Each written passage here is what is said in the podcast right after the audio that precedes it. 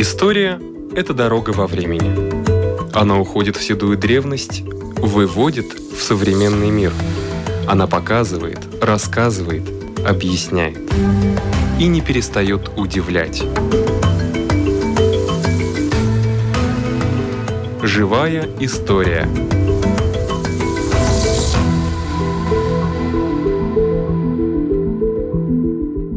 У микрофона Лидия Чера.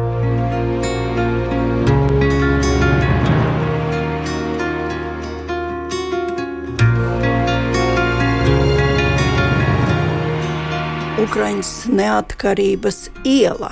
Венц – это теперь адрес Музея истории медицины имени Паула Страдыня. И разговариваем мы с историком Мартинчем Вейсперисем. Тема тоже про Украину, только Украину сто лет назад, даже чуть-чуть больше, правильно? Да.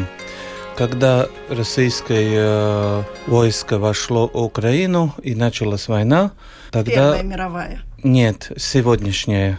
Тогда наш музей решил, что надо показать, чтобы мы были вместе с Украиной, какие-то материалы, которые связаны с Украиной и войной, и медициной.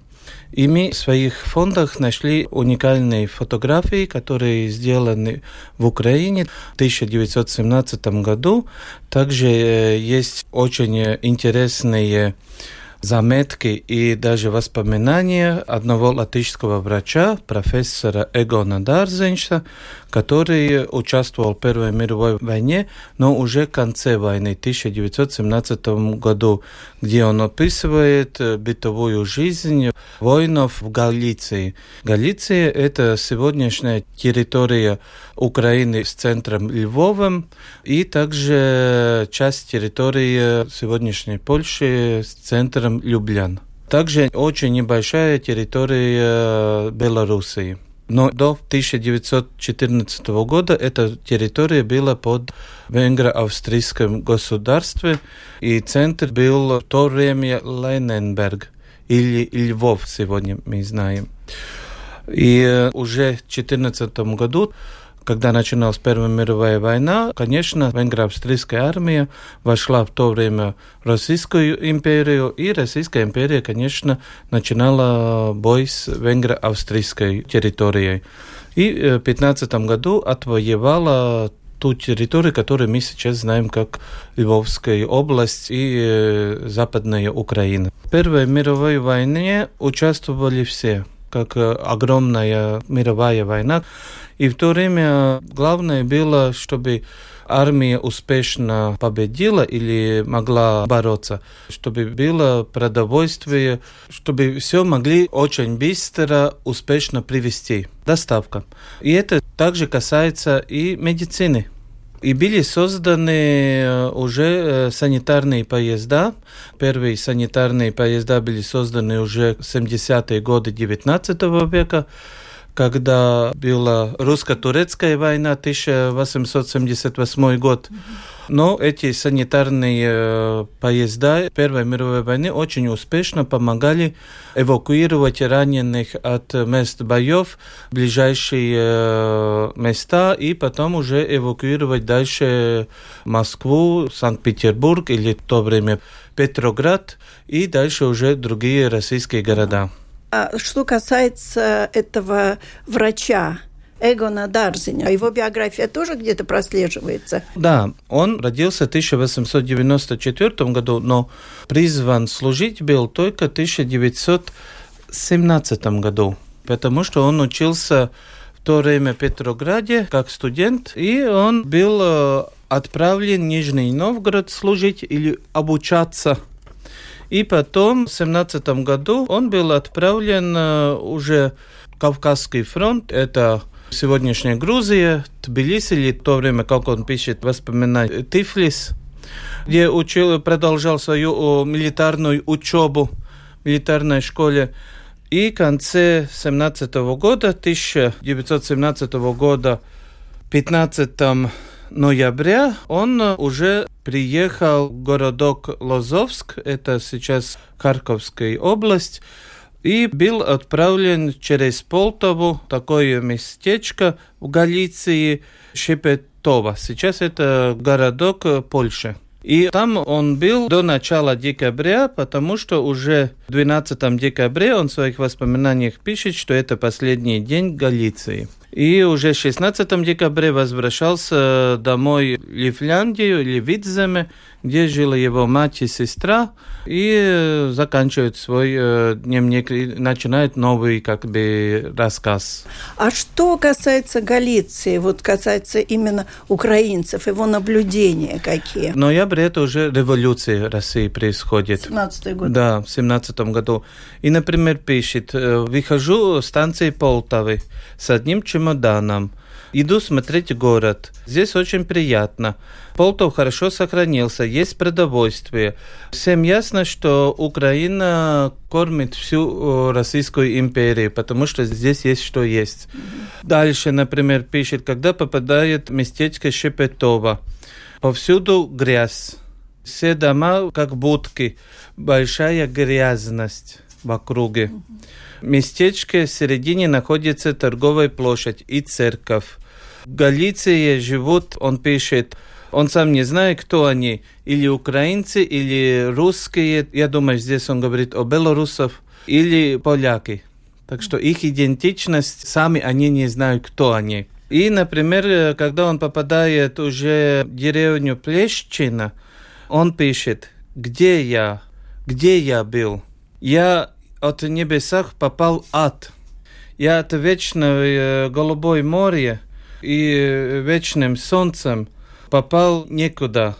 Кажется, что все, что было, это давным-давно прошлое. Он был у Черного моря, в Грузии, и, конечно, вдруг попасть от такого приятного места – для него неприятное местечко, кажется, да. что попал в ад. Также, например, он пишет, деревушка, все дома старые, деревянные, дряхлыми крышами. Также, например, нахожусь в одном доме с э, двумя офицерами, он был офицер, и двоими кузнецов. Но что они делают, не знаю. Никогда не видел, что они бы что-то работали. работали. Да. От одного кузнеца он э, получил очень хорошее дело – но через несколько дней чувствую, что что-то по моей одежде и телу ползает. ползает. Иду в лес, беру одеяло и смотрю, повсюду клещи. О, ужас. Потом раздеваюсь сам. Это уже 18 ноября, 20 да. ноября, когда холодно уже. И нахожу очень много клещей. Всех перебиваю. И так каждые несколько дней иду в лес и, и выбиваю все клещи и держу их в небольшом количестве. Потом ему присылает сестра из Видземе, из Латвии, пакет, где есть просто не белые и много других вещей. И он говорит, все это, что прислала, мне э, чемодан не влезет. Я иду у шепетского еврея продать купил хорошую одеяло шерстяную, чистую от вшей. Он вообще в войне не участвовал. Да. И даже в Галиции это было уже время, когда и немецкая армия э, не вошла дальше, также российская армия деградировала в связи с революцией. И он э, описывает то, что уже солдаты, простые солдаты, не дают честь офицерам, о том, что увидел уже женщин в мундирах. Также он в один день от безделья идет просто гулять по дубовому лесу, потому что это напоминает латвийские дубовые леса, и встречается с одним э, грузином Зелидзе который, когда узнал, что он был в Грузии, сразу его принимает как своего. Но интересно и то, что если мы сравним о сегодняшнем, уже его воспоминаниях главное есть то, например, о том, что уже в конце еды нету, денег нету, едут все менять. Также появляется и то, главное мир, только мир. Солдаты устали, они хотят вернуться в своих домах. И когда последний день он уезжает из Галиции, так но вышло, что его батальон сдается украинским национальным силам. Они отказываются воевать. И он возвращается в Латвию домой у своей мамы и сестры. И там он интересно пишет. Нахожусь в комнате школы, где сестра его учительница. Светлая, теплая комната. И я помылся, снял э, униформу, одел свои студенческие одежды. И я думаю, повсюду мир, спокойствие. И то, что от прежней жизни я ничего не взял сейчас с собой. Это значит, что то, что он пережил или увидел, все э, пережито так, что ничего полезного он от этого не получил. То есть хочется вычеркнуть из жизни эти Да, годы. вычеркнуть из жизни все, что он пережил, хоть я как говорю, он сам не участвовал в боевых действиях, но это до того. Позже он участвовал в латвийской независимости, в войнах, и потом уже сделал карьеру в Латвийском университете, стал профессором. Хороший рассказ. Эгонс Дарзенч. Да. Теперь я, по крайней мере, знаю, как врач жил в то время, сто лет назад, даже больше. Спасибо. Об этом рассказывал историк Мартинш Весперис.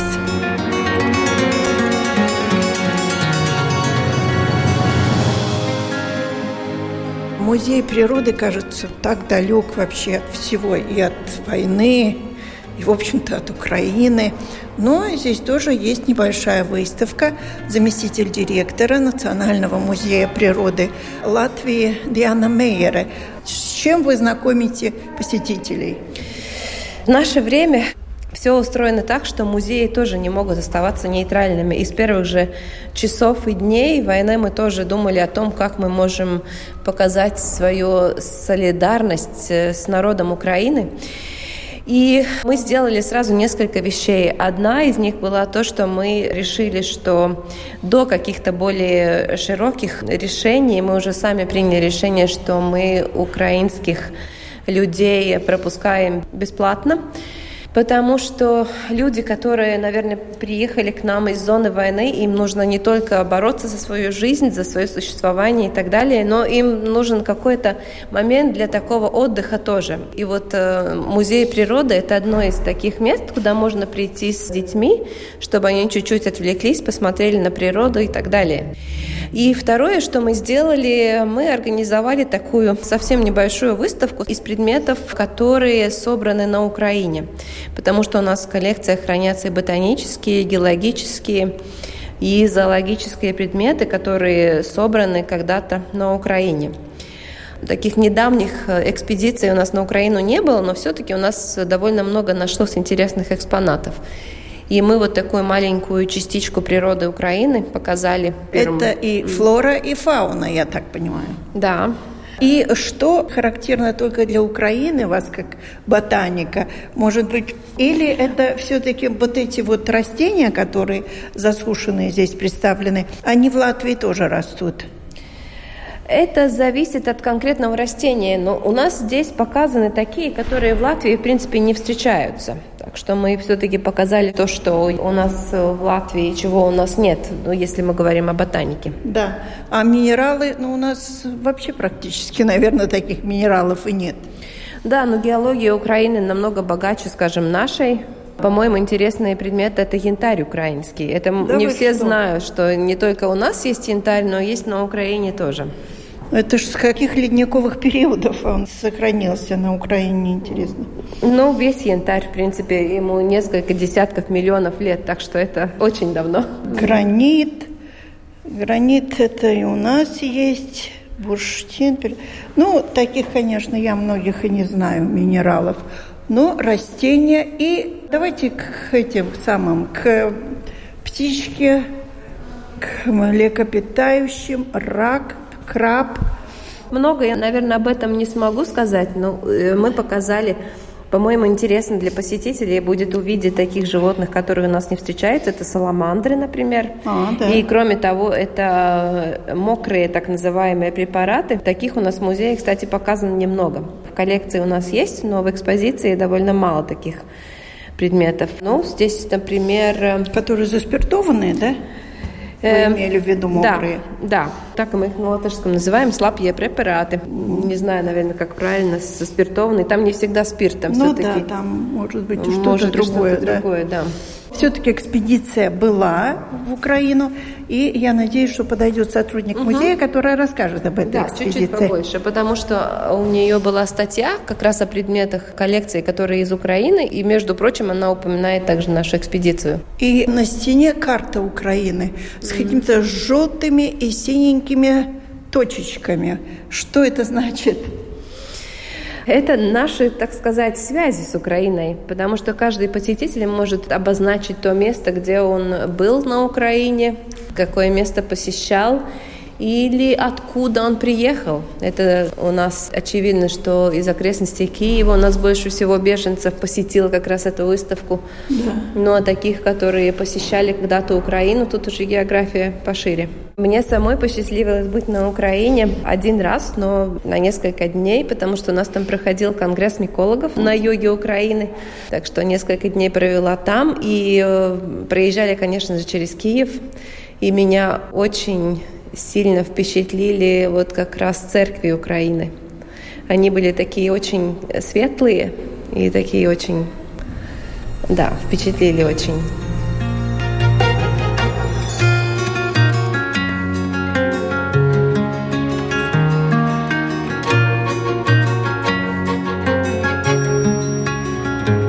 Сотрудник музея природы, отдела ботаники Янта Межа. И вы были в Украине, да? Да, я была в Украине, ну, уже много лет назад. Я в то время работала над своей магистровой работой, и я познакомилась в Киеве с сотрудниками гербария, которые под э, Институтом ботаники Академии наук, наук Украины. Да. И они с удовольствием приняли меня как студента, который работает на свою тему. И когда я кончила свою работу э, в Украине, тогда они меня спрашивали, а может быть вы хотите, чтобы мы подарили вашему музею небольшую коллекцию украинских растений, гербариев? Я, ну, ну да, так, спасибо. И они приготовили четыре большие коробки с гербарием. И я тогда привезла в Латвию и понемножку, понемножку начала работать на это. Сначала, конечно, мои любимые злаки сперва я обработала, а потом и все другие виды растений. Итак, это одна часть украинского гербария, а вторая часть у нас из одной экспедиции в горы Карпаты, когда наши сотрудники музея в 1979 года летом были там на целую экспедицию и э, собирали сами растения. И там очень интересно из горных и лесных и всяких э, разных, разных да. растений, которые у нас нет, но все-таки такое немножко представление, что растет в Украине. Да. Пару лет назад мы, все сотрудники нашего ботанического отдела, думали, что нам делать. У нас как бы две коллекции. Карпатские растения и украинские э, из центральной и восточной части и Крыма. И мы тогда договорились, что надо объединить. объединить эту коллекцию в одну большую коллекцию, и мы назвали это «Гербарий Украины». Ну, у нас же есть, например, дерево года, растения года, а в Украине есть такие? Я думаю, что есть. Ну, какое, например, на ваш взгляд, одно из самых любимых и популярных растений Украины? Подсолнух. Подсолнух, да, но пшеница, конечно, потому что пшеница на флаге это желтая часть, да. это не подсолнух, это пшеница, поле да. пшеницы, да. Это зерна, и, и, да, э, колосья. Да, и вот э, из деревьев, я думаю, что вот такой типичный украинский это тополь. Тополь, да. Вот эти длинные, пирамидальные, да. Пирамидальные. И мне это вот как э, я вижу такие деревья, тогда мне кажется, ну, кажется Украина, вот ассоциация да. с Украиной. И на западной части вот этот дишкабардс, скабаш, дишкабардс, Граб, я, граб. Граб. У нас мало грабов. У нас мало, совсем мало, но у них вот в западной части, да. там около границы Румынии и ну, Венгрии, там много этих. Ну там не столько деревьев. много, мне кажется, еловых хвойных лесов. Да, мне кажется, у нас больше хвойных да, и меньше да. лиственных, а у них больше лиственных. Да, правильно. Да, да потому что там уже да, где юг, не так мы же северная да, страна. Ну и земля там побогаче будет, да. Да, да. Ну, богатая вообще земля богатая, да. Да, хотелось бы поехать, да? Ну, да, конечно. Ну, воевать не хочется никому. Да. И культура у них очень богатая. Я познакомилась с людьми, которые поют э, народные песни, и мы даже поехали с ними на экспедицию. Это была область Суми, где город Суми. А теперь там война. Сумская область. Вы принимали участие в этой выставке? Да, я отбирала гербарии, которые, по-моему, были интересны и посмотрите. Например, вот этот вид рубус пликатус. По-русски ожина складчаста. В Украине это очень распространенное растение, но в Латвии это растение у нас даже думается, что уже ну, нет. Когда-то да? было, да? Да. Хотя сейчас наоборот, кажется, южные виды как-то приходят ближе к Латвии, подходят а есть, которые уходят. Да, но ну, растения да. тоже вот живут свою жизнь, да. да. Одни приходят, а другие уходят. Да, по, а вот какой-то причине, да. А вот это растение, это цветки или там ягоды тоже? Это, но там э, вот э, темные ягоды, как оказаны. Да. Ежевика складчатая. А, ежевика, оказывается. Да, вот такой. Но это не наша. Не это наша. другой вид, это да. Другой это вид. Ежевика складчатая, другой вид, не тот, который у нас растет. А значит, ожина складчата это по-украински, я прочитала. Давайте подойдем дальше, посмотрим, какие у них растения. Мадера. По-русски? Подмаренник. Подмаренник, Подмаренник. Да. да, ну это растение мы взяли, потому что это другое место, не запад, а центральное. Центральная Украина и Волынский, но ну, это тоже название. Подмаренник Волынский, это уже вот как бы вот именно, по названию вот даже это можно сказать, что это... Николаевская область. Да. Ну, Николаев это тоже война. Да. Хорошо Немножко. сохранился гербарий. Да, это Честь интересно. хвала, то, да. Ну, вот э, бывает, например, вот это очень э, старый, больше сто лет назад собирали. собирали это уже не вы да. даже. Конечно, не да. Но вот если хорошо сохранить, там в темноте, сушь, это правильная, да, все температуры правильная, тогда даже очень старые гербарии выглядит так еще ничего. Да, очень нормально, все видно. Да. Ну, конечно, по сравнению с богатой украинской природой, это все-таки гербарий, это надо иметь в виду, что это маленькая толика. А вот здесь что-то похожее, что и у нас есть. Нет, разве? Да, у нас есть линария, конечно, но вот этот вид, конечно, нет. Это другой Это вид. другой, да, и если смотреть, где он, Луганская область. Такая, Луганск, самый край. Да, самый край, да. да. За что воюют. Пойдем там посмотрим, что там. Это уже деревья, да? Да, это... Пила, здесь, ну, это, это рябина. Рябина, да. Но, но... А по-украински берека. Берег. Вот эти красивые пионии угу. тоже из самого востока Украины. Я бы хотела посмотреть, как э, это в натуре выглядит, целое поле, когда из пионий. А это да? даже не садовые? Нет, это... нет, нет, все эти растения э, как Полевые, дикие. дикие да. да. Ага. Ну и последнее, что мы имеем, ну, естественно... Розочка. Розочка. Да, розочка. Вообще мне нравится... назвали троянда. Троянда, я. Мне нравится вот это украинское имя растения розы. Троянда. Как э, красавица. Красавица, да. да. И вот в украинской фольклоре очень много э, песен, песен о, о, о трояндах. Да. Хотя вот, как мы уже говорили, у украинцев народное э, растение, наверное, все-таки калина.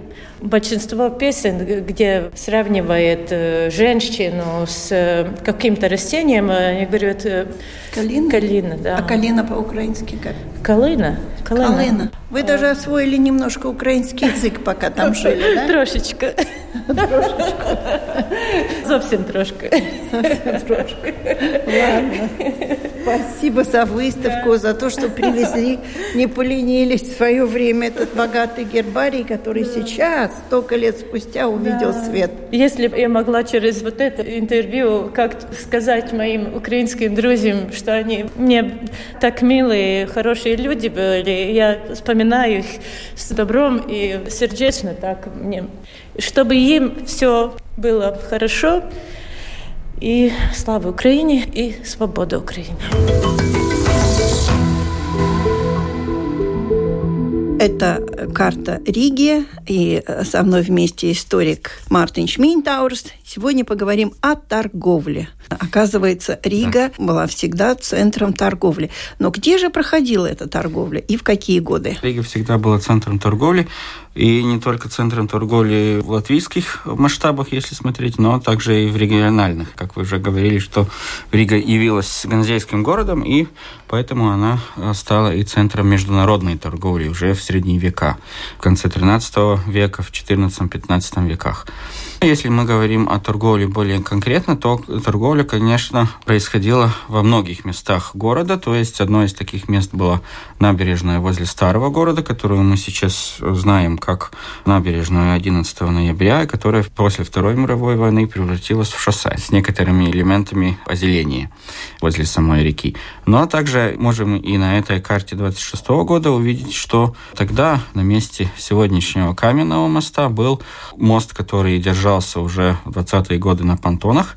Но до того первая конструкция этого моста была сделана из соединенных плотов. Это продолжение улицы Смилшу? Это продолжение улицы Грецинеку.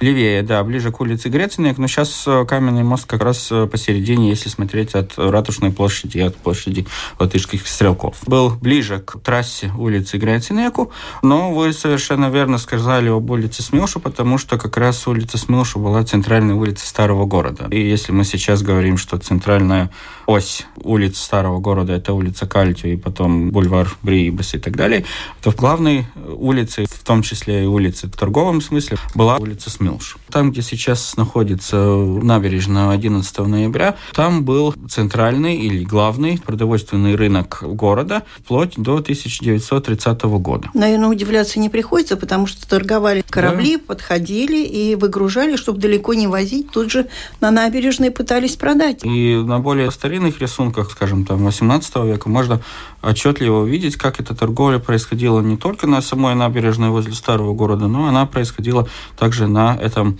плотовом мосту, о котором мы говорили, потому что он был рубежом между двумя частями бассейна реки. То есть с верхнего течения вниз проходили баржи торговые, и с устья реки, со стороны залива, э, могли заходить вплоть до старого города, до этого моста возле улицы Грецинеко, могли заходить большие торговые корабли, которые шли уже через моря и на Западную Европу и куда дальше. Потому можно увидеть и в старых рисунках панорамы Риги, и в картах в том числе, что как раз корабли стоят по двух сторон этого моста, и торговля проходит на самом мосту. Зимой, конечно, эта торговля на мосту не проходила, потому что мост разбирался на зиму, и потом уже его ставили после весеннего потопа, после того, когда Угова вернулась в свое естественное русло.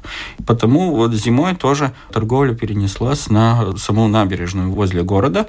Более интенсивно она там происходила после сноса укреплений города, после сноса этих земляных валов, которые окружили старый город да, в 16-17 веках, а потом уже в середине 19 века их снесли, и освободилась довольно большая площадь по объему, где можно было построить все эти тогда еще деревянные постройки, которые были предназначены для торговли. На набережной уже в 19 веке, в начале 20 века происходила более продовольственная торговля. Хотя был один сектор или одна часть этой набережной, где возводился так называемый блошиный рынок. Сейчас это можно было бы сравнить по существу, это что-то подобное рынку Латгалиты, которое угу. мы знаем, где продаются разные старинные или бывшие в употреблении вещи. А что, только продуктовая часть была и блошиный рынок? Да. А одежду, обувь где продавали? Там же? Или? Одежду, обувь там же продавали в этой так называемой продовольственной части, потому что там довольно смешанная торговля происходила. И это был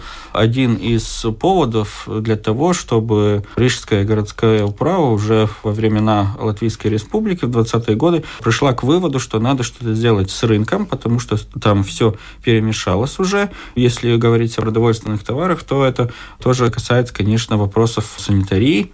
Тогда еще санэпидстанции, наверное, не было, как мы ее сейчас знаем, но была какая-то служба, которая была ответственна за то, чтобы не возводились в городе разного рода инфекции, конструкции, чтобы не пострадали люди, которые там ходили в этот рынок и покупали товар. А когда уже сдвинулся этот рынок к тем павильонам да. дирижаблей? Павильон дирижаблей – это тоже известная история о рижском рынке. Сейчас попала во все путеводители по городу и на русском, и на английском, и на других языках. Как раз после Первой мировой войны появилась эта идея, что можно использовать конструкции ангаров цепелинов.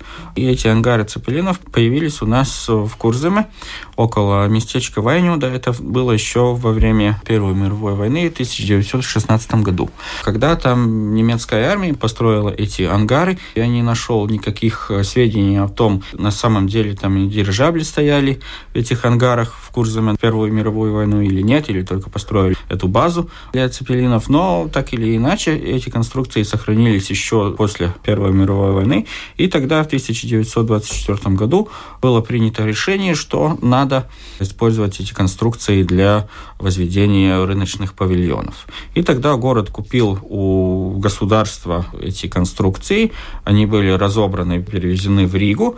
И первому, как говорится, по источникам, эта идея пришла в голову архитектору Павелу Дрейманису. И проект начал выстраиваться уже в 1924 году, но так как не хватило бюджетных денег для окончания этого проекта, то строительство как бы растянулось во времени, и основные конструкции были сделаны к 1930 году. Вся это оборудование территории нынешнего центрального рынка, она происходила еще вплоть до 1939 года, пока это все достроили и привели в полную готовность. Ну, честно говоря, Рига, наверное, все-таки обладает манией величия, чтобы построить mm-hmm. такой центральный рынок. Ну, можно сказать и так, но тогда, в 30-е годы, одно время это было самое большое торговая площадь в Европе. То есть, если посчитать вместе покрытые помещения, то есть эти пять павильонов, которые построили, и к тому же еще открытое пространство вокруг, где происходит торговля, то полный объем этой территории центрального рынка это около 6 гектаров. Только складовые помещения, которые находятся под землей, около павильонов, это тоже посчитали, что около одного гектара. Довольно обширная территория. Рынок пострадал отчасти в конце Второй мировой войны в 1944 году. Сохранились фотографии, где видно, что части эти павильоны даже разрушены были, но их отстроили после войны. Ну, вместе с мостом. Вместе с мостом, да, но некоторые вещи еще не восстановили в том виде, как они были до войны. К примеру, там еще сохранилось, если мы сейчас говорим о сегодняшнем мясном павильоне, то до войны он был павильон для промышленных товаров и, как тогда говорили, разновидной торговли. Мясом там не торговали. И по этому случаю там была сделана еще такая интересная конструкция, то есть железнодорожная ветка, которая шла от центральной линии около пассажирского вокзала и той линии, которая проходит на железнодорожный мост. Как раз этот сегодняшний мясной павильон стоит ближе всего к железной да. дороге. Там была сделана специальная ветка, чтобы подогнать вагоны. На уровне второго этажа часть этой конструкции еще сохранилась. Если проходить мимо мясного павильона по сторону канала городского, то видно, что та пристройка с башнями, которая там стоит, она сохранилась с тех времен, когда еще была там железнодорожная ветка. Так что Рига торговала, торгует и будет, будет торговать. Историк Мартин Минтаурс. На этом наша программа заканчивается. Всего вам доброго.